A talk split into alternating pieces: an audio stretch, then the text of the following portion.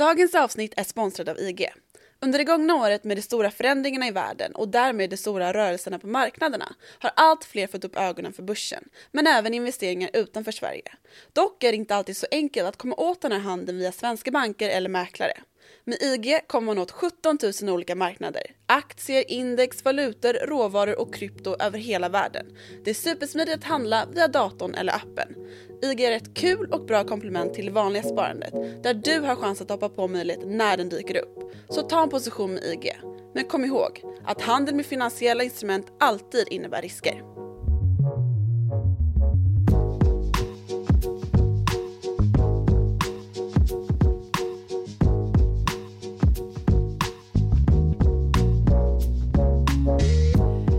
Finansminister Magdalena Andersson och en arbetsgrupp inom Socialdemokraterna har kommit fram till ett sätt att minska klyftor och tvinga allt rikare rika bidra till ökad välfärd med en så kallad miljonärsskatt. Detaljerna om vem som tillhör de rika skara var initialt mycket vaga och när den sedan förvirrade debatten löpte vidare in bland planer på att beskatta det hos småsparare så omhuldade ISK-kontona för aktie och fondsparande var det som att alla fördämningar plötsligt brast.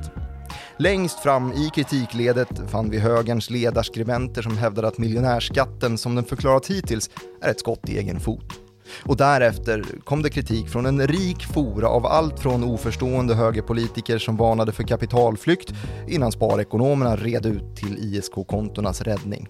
Men kommer det här verkligen bli av? Och är Sverige ens tillräckligt stort för att ta itu med ideologiska världsfrågor som ekonomisk jämlikhet på egen hand?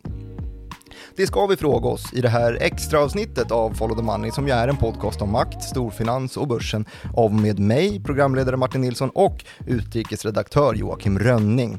Och det här ska vi göra genom att minnas tillbaka hur en tidigare vänstervåg inom svensk finanspolitik försökte ställa om till jämlikhet och höra om ekot från de släggor som då delades ut från de höger och vänsterpolitiska lägren dröjt sig kvar ända till den rond som nu ska till att börja. Joakim Rönning, du ser redan trött ut. Varför det? Jobbig vecka ju. Hur kommer det sig? Mycket, mycket liv i luckan, mycket kommunikation utöver att göra sitt jobb. Eller ja, det är väl en del av ens jobb. Mm. Jag tänker på sociala medier. Är det många som har varit elaka mot dig? Ja, nej, det är inte så elakt. Och det är, det är faktiskt väldigt många som är elaka i början men sen ber om ursäkt när man får förklara, förklara lite hur det, ja, hur det ligger till. Då... Det, är, det är ju mycket folk som kommit in på spåret finans de senaste, det senaste året. Mm.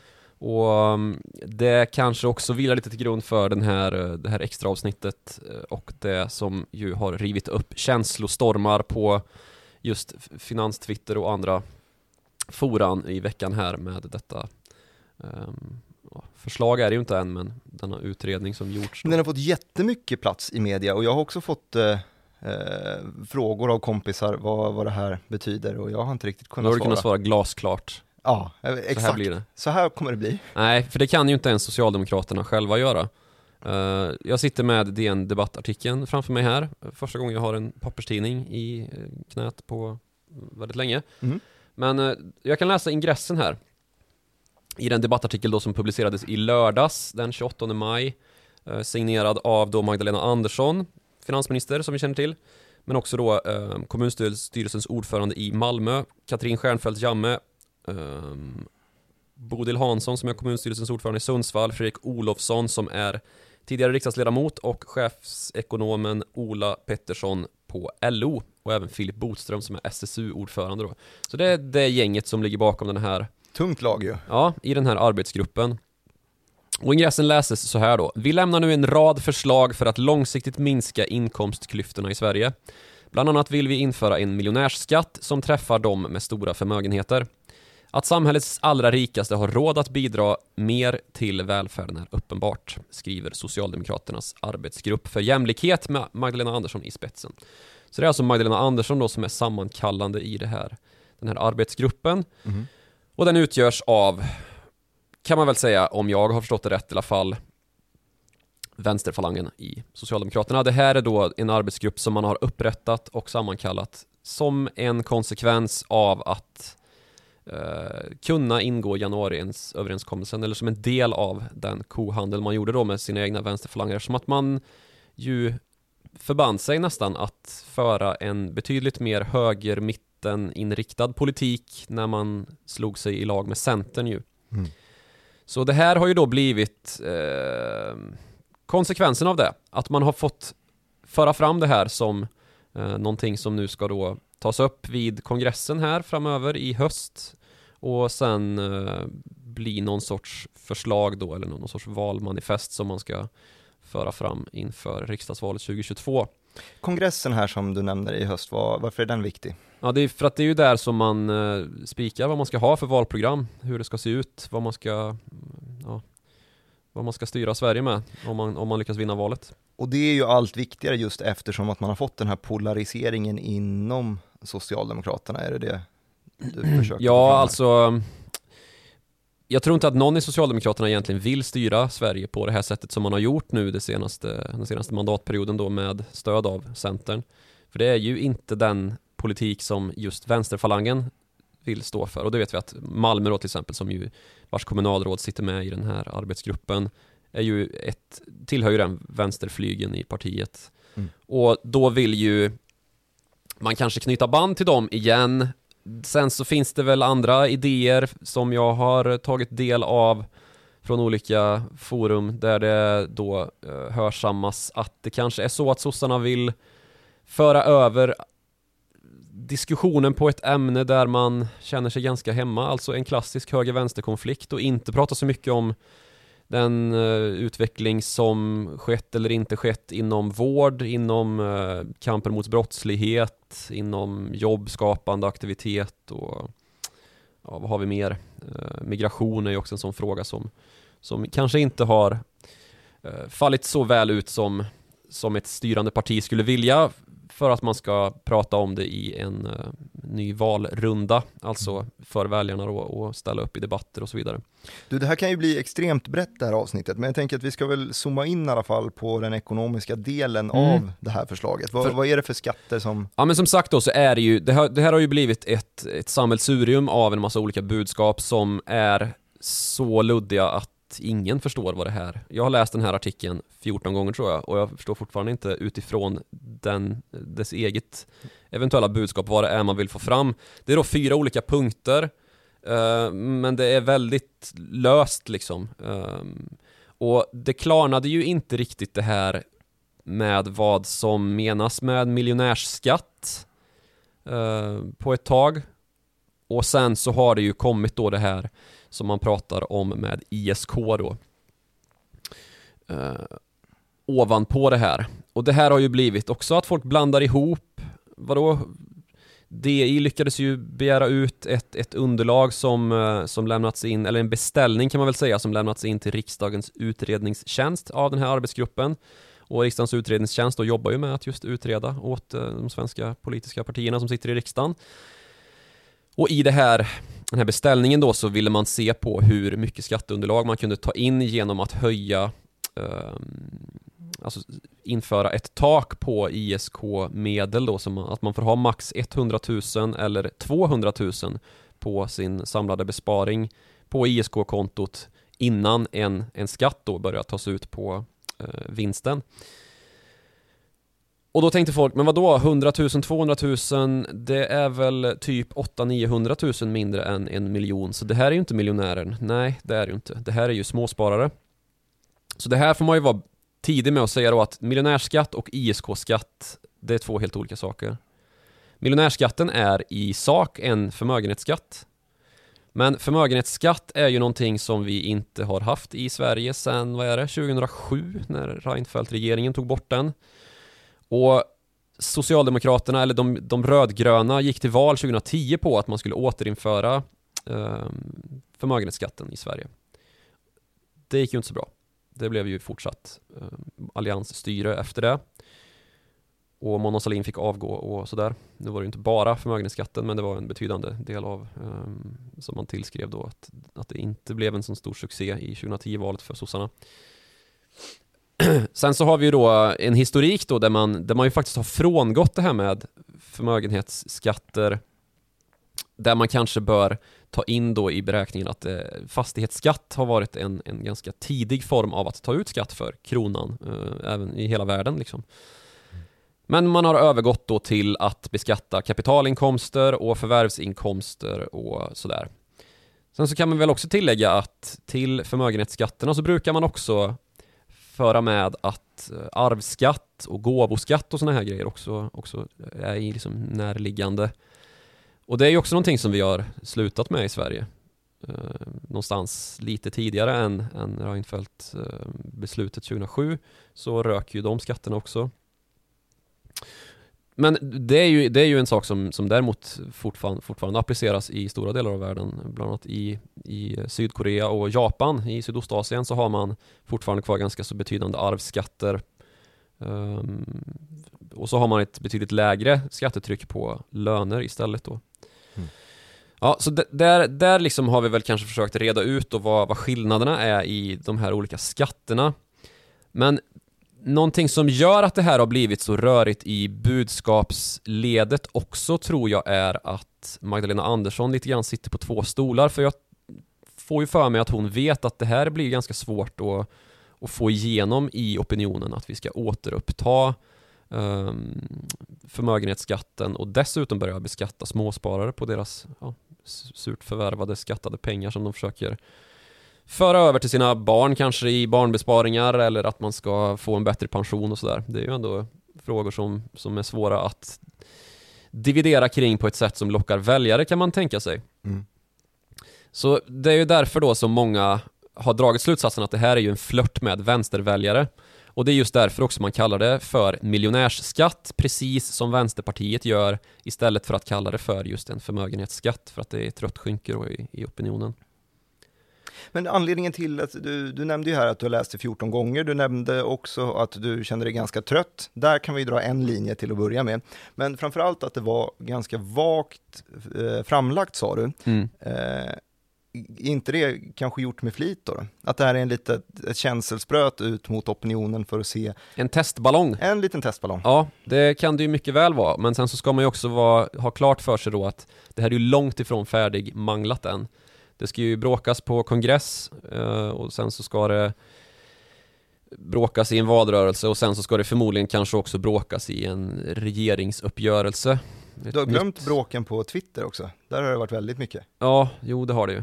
För när det här då började klarna lite grann och Magdalena Andersson ju snabbt red ut då och förklarade att det är inte fråga om några hundra till 200 000 på ISK, snarare 3 miljoner kanske så, så lugnade det sig väl något på den fronten. Men på tal om rött skynke så är ju det här ett, ett sådant för många ganska så röststarka profiler på Twitter, mm. varav vi känner ganska många också. Och jag pratar naturligtvis om sparekonomer och jag pratar om företagsledare och såklart också oppositionspolitiker och till och med centerpolitiker faktiskt. Eh, Emil Källström på Centerpartiet ville ta en debatt med Magdalena Andersson. Det ville inte hon, för hon vill inte dividera det här i direktsändning med en, eh, ett samarbetsparti dessutom, som man ju är nu. Men jag såg också att i det i morse så var ju ja, eh, också sittande i finansutskottet Mats Persson tillsammans mm. med, med Nyamko Sabuni var ute och kommenterade det här också, ja. läste jag. Vad, vad var deras inslag i den debatten? Ja, de kallade det väl för ett, var gräsligt förslag eller något? ja, de var inte så positiva Nej, de var inte så glada i det här såklart. Sverigedemokraterna gick ju så långt som att kalla förslaget för äckligt. Mm. Um, men alltså, det har ju varit en bastant opposition mot det här uh, som har gjort sin röst hörd.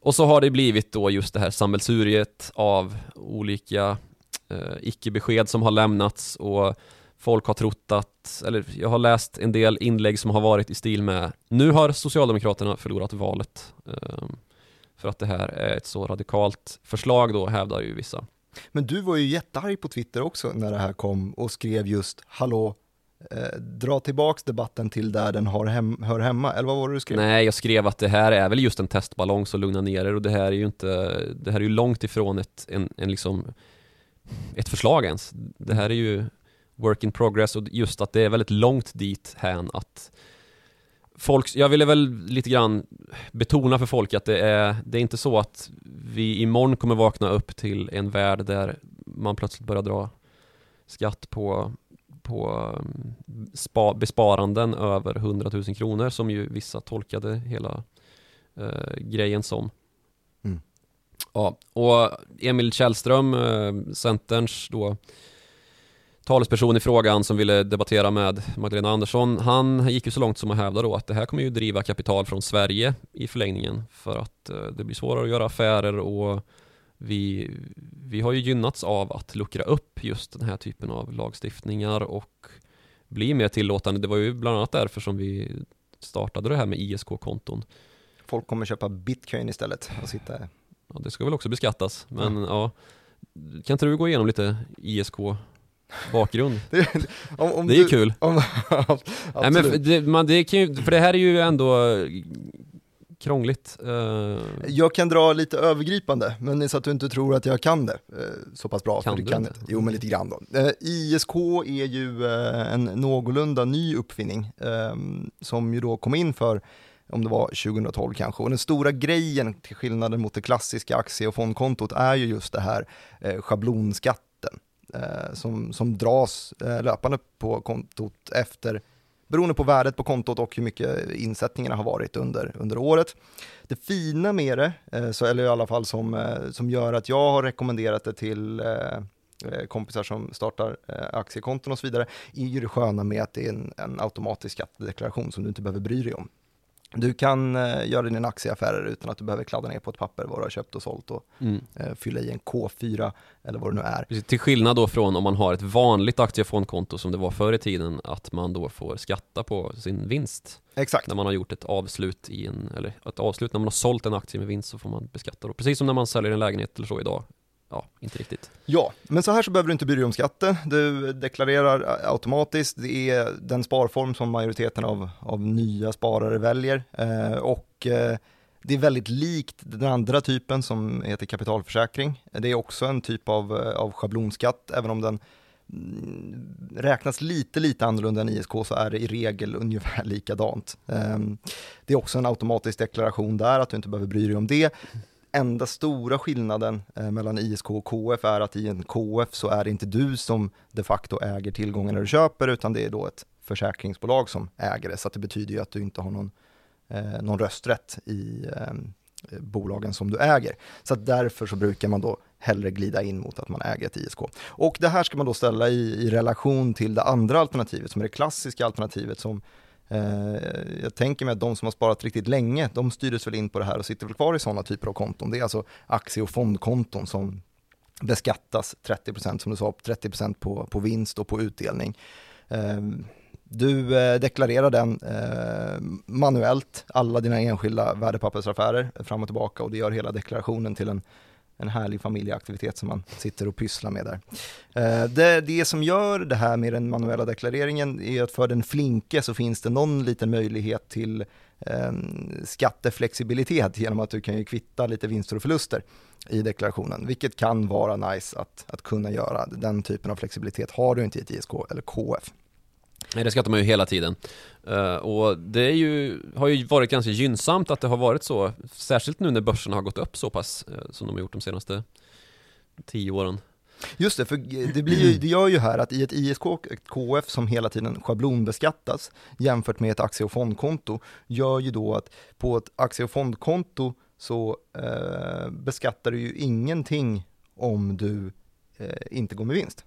Medan i ett ISK och ett KF så beskattas du ju löpande oavsett om du går med vinst eller inte. Så att det går ju en brytpunkt, eh, någonstans drygt 1% eh, där det är mer fördelaktigt att äga det ena före det andra. Men om du planerar på att göra förlust med dina aktieaffärer, då är det rimligare att ha det i ett aktie eller fondkonto. Japp. Eh, nu är ju inte aktie och fonder det enda, och pensioner och så är det det enda man kan vara rik på i Sverige. Det är ju merparten av de som äger fastigheter eller bostäder är ju, eh, har ju haft en, en markant, nästan makaber utveckling på sina förmögenheter. Mm. Sett till då att, att fastighetspriserna har ju fullkomligt rusat de senaste just ja, 10, 15, 20 åren. Och det här är ju också någonting då som är ett rött skynke i opinionen att återinföra någon sorts fastighetsskatt. Det vill man ju inte göra och det är ju också Magdalena Andersson och den här arbetsgruppen väldigt tydliga med. Och det är ju någonting som också har frågasatts väldigt mycket. Så men varför ska ni inte beskatta eh, fastigheter men ni ska beskatta besparingar. Det låter ju absurt. Ja, hur, hur går debatten där? Ja, det är ju ingen som har hittills riktigt lyckats greppa det där. För i det här förslaget så ligger det också då i det, ska man säga, det finstilta, det som inte fått lika mycket uppmärksamhet. En massa annat kring fastigheter just. Som bland annat att man inte ska få eh, göra avdrag för, eh, för att låna pengar, de här eh, ränteavdragen som, som ju har debatterats mångt och mycket under lång tid. Mm.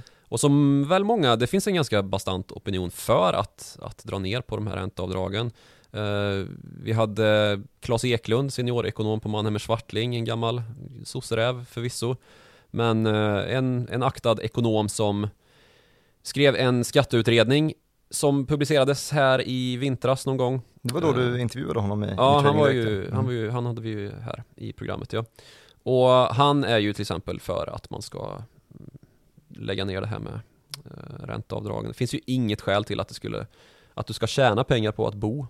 Det, det gör man ju redan, menar han. Nej men eh, att, att det ska gynnas att ha köpt sitt boende jämfört med att hyra.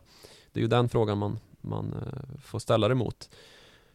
Så som sagt, det finns det, det finns det liksom visst stöd för i, på båda sidor om mittlinjen i riksdagen också skulle jag vilja hävda att, att det är ojämlikt med de här ränteavdragen. Um, sen så hör ju det här hela problemet hemma i en mycket större makro, ska man säga, globalpolitisk kontext där pandemin har varit väldigt gynnsam för de redan välbeställda. Eh, världens rikaste är idag inte bara rikare än vad de var innan pandemin, utan ganska mycket rikare. Hur kommer det sig? Vi har ju haft den här penningpolitiken som har gjort det på det sättet att, att um, just rika har blivit rikare och den här långsiktiga ultralåga, ultralätta penningpolitiken har ju medfört att um, tillgångar har svält i värde. Just det, en majoritet av stödpaketen ut mot de pandemidrabbade beståndsdelarna i en ekonomi har gjorts via penningpolitik och penningpolitik är ett brett skott i ekonomin. Ja, det innebär ju att man dunkar ut pengar i systemet och då ska ju de pengarna fördelas på de tillgångar som finns helt enkelt. Och då hamnar väldigt mycket hos de som redan har väldigt mycket. Just det, för det är just tillgångar man påverkar. Så att för att kunna ta en del av det här så, så måste du måste man äga, äga mm. någonting. Mm. Och det, och det finns också... en del i ekonomin som inte äger som då eventuellt hamnar utanför det här. Ja, som missgynnas ju eh, relativt sett av det. Och den här debatten är ju som sagt global och det är ett spår som, som bland annat har appellerat på demokratiska väljare i USA. Joe Biden har ju också gjort vissa nedslag mot det här nu, att man ska höja skatter och lite grann få de superförmögna att bidra mer. Men det här är också en svår debatt där man, alltså jag tycker ofta det blir att man pratar om samma sak fast med olika på olika lång sikt till exempel när vi pratar om sådana saker som inflation i studion här till exempel så kan det vara att att eh, två gäster pratar om inflation på radikalt motsatta sätt men att det är på helt olika sikt liksom man gör det. Så att man kanske egentligen håller med varann men att det låter drastiskt annorlunda. Förklara. Det är lite samma här att i en svensk kontext så är de flesta ganska så rika du behöver inte tjäna särskilt mycket pengar i, i alltså en lön på 35 000 i månaden. Det, Då tillhör du i princip de som tjänar, den procenten i världen som tjänar mest pengar. Så det här är ju någonting som berör just förmögenhet och ultrarikedom som har blivit då det här problemet och som utmanar de sociala skyddsnät vi har när man inte kan beskatta helt enkelt de här stora förmögenheterna. Och det istället blir till filantropiverksamheter som Bill Gates eller Jeff Bezos rattar liksom. Och det kan ju i sin tur, om man ska dra det hårt liksom, utgöra ett hot då mot eh, hela skattebasen, att man inte har lika mycket eh, att föra hem till statskassan och bygga välfärdsstaten av. Och det är ju naturligtvis någonting som är väldigt omhuldat av socialdemokrater eh, även i Sverige. Och då tänker man, men ultrarika i Sverige finns det väl inga? Menar du det motsatta? Ja, och jag menar att eh, eh, det dessutom har blivit nästan dubbelt så många av den varan under pandemin. Eh, det gjordes då en undersökning i Financial Times regi där man lyckades komma fram till att Sverige är världsledare i att stöpa miljardärer av pandemi. För innan pandemin så hade vi 26 stycken dollarmiljardärer i Sverige. Efter pandemin så har vi 41 och det är bara Ryssland som har lyckats uh, få en högre uh, förmögenhetsandel av BNP i världen än Sverige. Vad beror det på då? Ja, jag, det, jag kan inte riktigt redogöra för i sin helhet vad det beror på, för det beror ju inte bara på en sak. Men någonting som man ju ändå kan konstatera är att en stor del av de här miljardärerna har ju ärvt sig till sin förmögenhet. Mm. Och vi har ingen arvsskatt i Sverige. Um, det har man inte på många andra ställen heller, men det är ju desto svårare att kanske lönearbeta sig till att bli miljardär i Sverige. Det går ju inte, uh, eftersom att vi har ett högt skattetryck på förtjänst Mm. just. Uh, men, men i alla fall, det här uh, faller ju in i den verkligheten också naturligtvis och det blir ju som ett, ett argument för Socialdemokraterna nu då att, att faktiskt börja arbeta med att få hem en större del av skattebasen. Så, så vad betyder det här i, i längden då? Eh, du säger att det är inte någon omedelbar förändring eftersom att det inte ens, det har inte ens blivit ett förslag än, utan än så länge så är det bara en i princip debattartikel som ska manglas, man ska känna efter opinionen, sen ska det här manglas i en kongress i höst, eh, Socialdemokraternas kongress i Göteborg kanske, eh, och sen så ska det här då mm, förvandlas till ett faktiskt förslag och röstas igenom. Ja, Behöver vi flytta pengar från ISK redan nu? Vad, vad ska vi göra? nej det är ju ingen som vet vart det här, vart den här brytpunkten ens skulle, skulle hamna liksom, så det är väl dumt. Eh, Det kan man ju konstatera i alla fall. Och det är ju långt kvar till valet och det kommer hända mycket i både opinion och, och eh, i världen i sin helhet vad som är det man ska prata om och vi får se vart liksom, vart debatten hamnar någonstans. Men eh, för att liksom exemplifiera hur liksom hur långa sådana här processer kan vara också så kan man ju titta bakåt i tiden för det är ju alltid lämpligt att göra. I Särskilt det här ämnet också? Ja, Hur för särskilt nu när vi har haft en vad ska man säga, en arbetsgrupp då som har tagit fram ett förslag som tycks vara ganska så ganska så ogillat i liksom partiledningen. Mm. Det är ju till och med så att Ma- Magdalena Andersson som sagt fick rida ut och korrigera ehm, efter att det då kom till DIs kännedom det här med 100 till 200 000 i ISK besparingar innan man ska åka på skatt. Mm. Så skulle jag vilja prata lite grann om en annan gång när då detta hände När LO, som ju även är med i den här arbetsgruppen Drev igenom ett förslag som var betydligt mycket mer radikalt än vad partiledningen eh, ens hade trott eller liksom haft förmågan att föreställa sig skulle gå att presentera, än mindre att rösta igenom och ytterligare än mindre troligt få igenom riksdagen. Året var? 1974. Mm. Eller egentligen så kan vi väl börja den historien eh, lite tidigare med 1968 och den vänstervåg som sköljde över världen och Europa där svenska ungdomar röstade på kommunister och hyllade Stalin och Mao Zedong och gänget lyssnade på progg och läste Das Kapital som åt det vore Bibeln ungefär. Mm. Samtidigt så under 70-talet så gick vi in i en eh, ganska så kraftig lågkonjunktur vet ju alla som har lyssnat på podden tidigare att vi hade oljekris och folk började helt enkelt bli oroliga på allvar över framtiden och sina jobb, vart man eh, hur man skulle försörja sig framöver.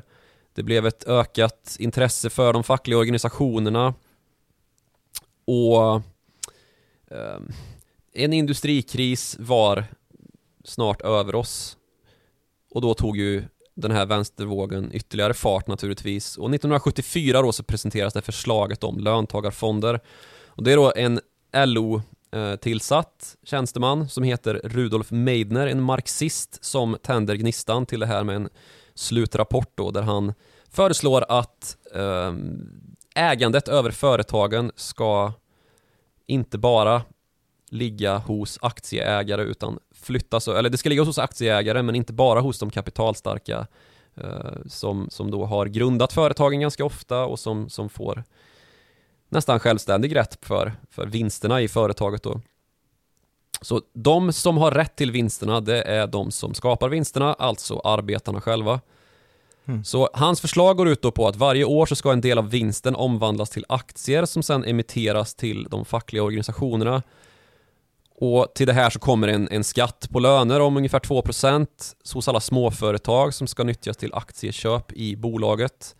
Och efter ett antal decennier då så kommer hela det svenska näringslivet att vara majoritetsägt av facken, alltså arbetarna. Okej, så personerna som står på industrigolvet och bygger ihop Volvobilar får eh, årligen som en löneförmån nästan mm. en, en aktieutdelning ja. av, så att de långsamt, långsamt äger större delar av företaget själva. Ja, via de här löntagarfonderna ja. Mm. Och det här är gäller inte bara för Volvo som du sa, det är kanske dit man går, de svenska storföretagen. Det här gäller ju också för liksom måleriet på hörnan, eller måleriet på hörnan, kiosken på hörnan och måleriet i eh, eh, vilken stad som helst, eller skogsbönderna i Norrland, eller var och en vill liksom. Så alla företag i Sverige kommer att ägas av arbetare. Mm. Och det här skedde då i en tid när högern och moderaterna då som, som ju ledde Folkpartiet och Centern, de hade svårt att liksom enas det var ständiga bråk. Socialdemokraterna hade styrt landet i fullständig majoritet sedan 1932. Och på arbetstagarsidan så fanns ju fackförbunden och samverkansorganet då LO. Eh, och på andra sidan så hade vi ju de som skulle bli av med sin makt. Som idag heter Svenskt Näringsliv men som då hette SAF, Svenska Arbetsgivarförbundet. Och här har vi ju liksom eh, tydligt då att den svenska konkurrenskraften för näringslivet hade ju, hade ju gått ner för globaliseringen hade dragit igång. En del företag flyttade utomlands, alltså för att då få ner lönerna. Um, så man flyttade till, till platser där, där arbetare inte tog lika mycket betalt för sig helt enkelt. Var det här första smaken på att man förflyttade sitt, eh, sitt skrädderi till Laos istället för ja, kan man säga. någonstans? Först Laos kanske inte så... det största producentlandet. Men Nej, men alltså det, vi, det är ju även den här tiden när vi ser en stor inflyttning till Sverige mm. eh, av arbetare då, som kommer in och pressar lönerna även på den svenska arbetsmarknaden eh, under stort, stort gråt och klagan från, från facken naturligtvis. Um, men det här med försvagad äganderätt då i alla fall ledde ju till att många svenska företag och då kan vi ju faktiskt prata storbolag packade ihop och drog från Sverige och har inte kommit tillbaks sedan dess. Vilka, vilka då? Tetra till exempel, uh, Ikea, H&M drog. Nu har de i och för sig kommit tillbaks, men Ikea och Tetra har ju aldrig återvänt efter det här. Så väldigt många storbolag sparkade ju bakut och började För att man inte ville ge bort företaget till arbetarna? Ja, precis. Eller ja, äganderätten försvann ju. Och um, det vill man ju naturligtvis inte vara med om, för de som äger, äger eh, företagen, eller ägde företagen var ju privatpersoner och eh, de såg ju sin egen rätt gå förlorad då med att uh, detta skulle ske. Du, hur knyter vi ihop det här som, som börjar 68 ja. uh, och sen som uh, kickas igång 74 i samband med uh, Eh, vänstervågar, vågor i eh, svenska ekonomin med eh, dagens 2021 och en eventuell miljonärsskatt. Ja, men det, det jag menar är liksom likt är då hur den socialdemokratiska partilinjen var en helt annan.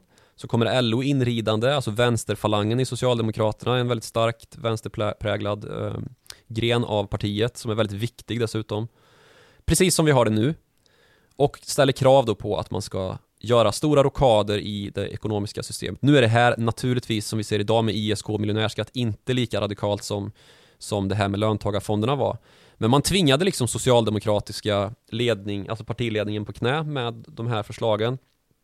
Och trots att Palme och, och gänget eh, Fälldin som var, nej Fälldin, eh, Kjell-Olof Fält som var finansminister, Fälldin var ju eh, tidigare högerns eh, statsminister där i, i mellantiden. För det här partistyret för Socialdemokraterna kommer ju att falla lite som en delkonsekvens av att man såg ju det här i väljarbasen också, att folk vill ju inte i partiet ens rösta på det här, så vad står ni för egentligen? Och så fick eh, högern några år där mellan 76 och 82 när Socialdemokraterna återigen tog eh, makten. Och från att då ha fallit i glömska så kom ju det här med löntagarfonder återigen att piskas upp. Och det blev ju, trots då det stora missnöjet i partiledningen, genomröstat och verklighet, det här med löntagarfonder. Och det är då vi ser att eh, Tetra Pak och H&M sticker iväg? Ja, de stack väl innan det, men ja.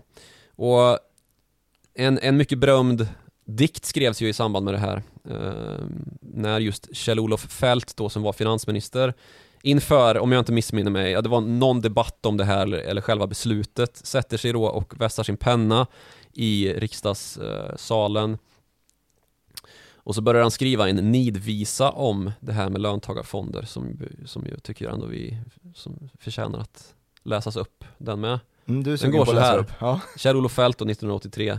Löntagarfonder är ett jävla skit, men nu har vi baxat dem ända hit. Sen ska de fyllas med varje pamp som stött oss så starkt i våran kamp.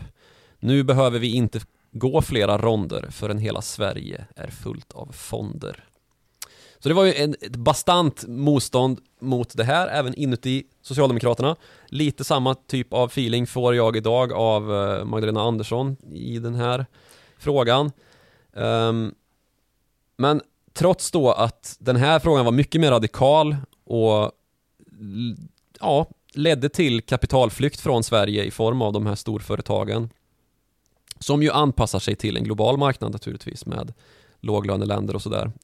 Deppigt nog. Mm. Um, så gick det ju igenom. Så man ska inte negligera den här typen av frågor som någonting som inte kan hända. Uh, att det inte kan gå igenom. Sen så är det ju naturligtvis så att vi är mer globaliserade idag och de här varningsropen då om titta hur det har gått tidigare, typ på 70-talet när sossarna skulle införa löntagarfonder kan kanske, ska man säga, avväpna den här, den här eh, retoriken från vänsterfalangerna i Socialdemokraterna den här gången. Men eh, det, det är ju väldigt intressant ändå att, eh, ja vad ska man säga, man tycks inte ha liksom eh, riktigt lärt sin, sin läxa från, från den tidens liksom stora förfall som det ju blev för de här idéerna med löntagarfonder. För det här löpte ju på fram till 1992 när eh, vet du, Carl Bildt kom till makten, eller var det 92, jag hoppas det, någonstans där. När Carl Bildt kom till makten och det var helt avskaffat 1998. Uh, eh, och då skapades faktiskt istället ett, ett investmentbolag som heter Bure. Det känner vi ju till. Det känner vi till. Mm. Och ur Bure så har ju en hel del roliga bolag också fötts fram. Faktiskt namnkunnigast i närtid måste ju vara, äh, heter de ACQ Bure? Spack, ja, spackbolagen. Spackbolag. Löntagarfonden som blev ett spackbolag. Det är fan roligt det. Ja, det, det. Och dessutom så är det ganska kul att då den här radikala vänsteridén om löntagarfonder kom att istället landa då i att man skapade eh, Capio, som ju är en privat vårdkedja. Just det, de var ju på börsen fram till ganska nyligen. Ja, um, och det som är roligt med den saken är ju då att det finns liksom en alltså det, det klassperspektivet liksom, att, att det är bra om inte Alltså de, att man vill skapa en Man vill radera ut klassklyftorna helt och hållet Och om de medel, en stor medelklass blir lite för välnärd så, så kanske det finns risk att man inte behöver det statliga skyddsnätet längre, alltså välfärdsstaten som ju socialdemokrater eller socialister även med demokratiska eh, medel försöker skapa som en solidaritetshandling mellan folket, alltså medborgarna. Och om det plötsligt blir så att välfärdsstaten blir överflödig för att folk kan gå till privata aktörer som Capio till exempel, som skapats ur löntagarfonderna, då, då finns det ju ett mindre skäl att hävda att vi behöver betala skatt och därigenom bygga denna onödiga välfärdsstat och då kan man tänka sig att Socialdemokraternas ska man säga, valbara massa eh, eller väljar, väljarstöd krymper samtidigt som medelklassen blir eh, mer välnärd och därigenom så befäster man ju också att det faktiskt finns klasser i förlängningen. Det är ju inte önskvärt enligt socialismens doktrin ju. Mm. Så Ja, Det är därför det är roligt att Capio spann ur, eh, Bure som spann ur en löntagarfond en gång i tiden. Capio som idag ju ägs av något eh, franskt eh, större konglomerat, men det är de som äger, är det Sankt Göran kanske? Ja, de köpte väl Sankt Göran som blev Capio eller något. Mm. Ja, jag vet inte. Men eh, det här med löntagarfonder är faktiskt inte dött än riktigt. Jag sa förut att man nu då inom eh, S och V, eh, eh, Socialdemokraterna och vänsterled samsas om benämningen då miljonärsskatt och det är ju naturligtvis lite signalpolitik i det, att man vill kanske locka fram djävulen i avundsjukan och hos de som inte har eh, och som kanske är mer benägna att rösta vänster. Men det här med löntagarfonder är ju inte heller helt dött om man tittar i Ung Vänster och Sociala, Socialdemokratiska ungdomsförbundets program, för de är ju också fortfarande för frågan om löntagarfonder. Hmm. Lite spännande. Ehm, men ja, där någonstans är vi. Jag tycker att det räcker med ett extra poddsavsnitt så här på en, på en fredag. Ja. Eh, vi började ju någonstans med eh, någon form av begre- begreppsförklaring. Du högläste ur en gammal dagstidning eh, och du såg ganska trött ut också när du gjorde det. Men du hade ju också läst den ett par gånger. så Jag vill rätta mig det. själv. 91 var det naturligtvis eh, Carl Bildt blev statsminister. Skönt, då, då har vi ju rätt ut det där. Eh, och sen så gled vi in då på de olika typerna av kapitalskatt som eh, tidigare har varit uppe. Vi snackade förmögenhetsskatt, vinstskatt, fastighetsskatt, arvsskatt va? och gåvoskatter och Gåvoskatt. var det någon mer? Nej, kanske inte. Vi pratade en del om, eh, jag fick rabbla upp ett par olika kontoformer, för det är väl ungefär det jag kan i det här eh, avsnittet. Och det var ju då ISK, det var KF och det var aktiefonddepåkontona. Eh, och jag försökte highlighta ett par olika skillnader där bland dem. Eh, vi snackade en del om vilka som hade varit ute och bildat opinion i det här, för det har ju blivit ett väldigt eh, debatterat ämne. Jag vet att eh, Nordnets sparekonom, det är faktiskt lite spännande, Nordnets sparekonom Frida Bratt eh, bär ju hashtaggen just nu, rör inte vårt sparande. Mm, och hon fick, hon blev tydligen uppringd av Claes Hemberg som eh, drev precis samma fråga, fast den var ju lite andra, annat formulerad då, när man ville höja skatten på ISK 2017. Och varför det här är llite roligt är ju då för att Hemberg var ju Avanzas sparekonom då. Wow. Så att konkurrenten eh, Avanza Nordnet, eh, Claes Hemberg verkar ha vänt Avanza eh, ryggen och går direkt till Frida Bratt istället. Det var ju spännande tycker jag. Som en AIK-are. Som går till Djurgården helt plötsligt. Ja, det, det var hårt. Eh, sen så plötsligt så tryckte vi in ett jäkla massa löntagarfondhistoria för att historia vill vi alltid Jävla ha. viktigt. Ja. Men på den tiden så var det ju också ganska så mycket bråk. Högern, som sagt, då stod ju Stefan Persson på barrikaderna här i Stockholm, för då, den tidens finanstwitter var ju den verkliga världen. Stefan Persson, H&M eh, chefen. Ja, just det. Det samlades någonstans mellan 75 och 100 000 högerdemonstranter i Stockholm och tågade mellan Humlegården och Riksdagshuset var det väl och lämnade över en dylik namninsamling som Frida Bratt nu håller på och fixar Ska ihop. skicka till Åsa Lindhagen som Claes Hemberg skickade till Per Bolund här för några år sedan. Finansmarknadsministerna Wow, som jag kunde namnet på. Med, eh, apropå namn så kan ni få lära er våra på Twitter och då heter utrikesredaktören Joakim Ronning och jag heter snabel direkt Martin. Oss båda når ni på eh, followthemoney at direkt.se och vi önskar er en skön helg så är vi tillbaka på onsdag.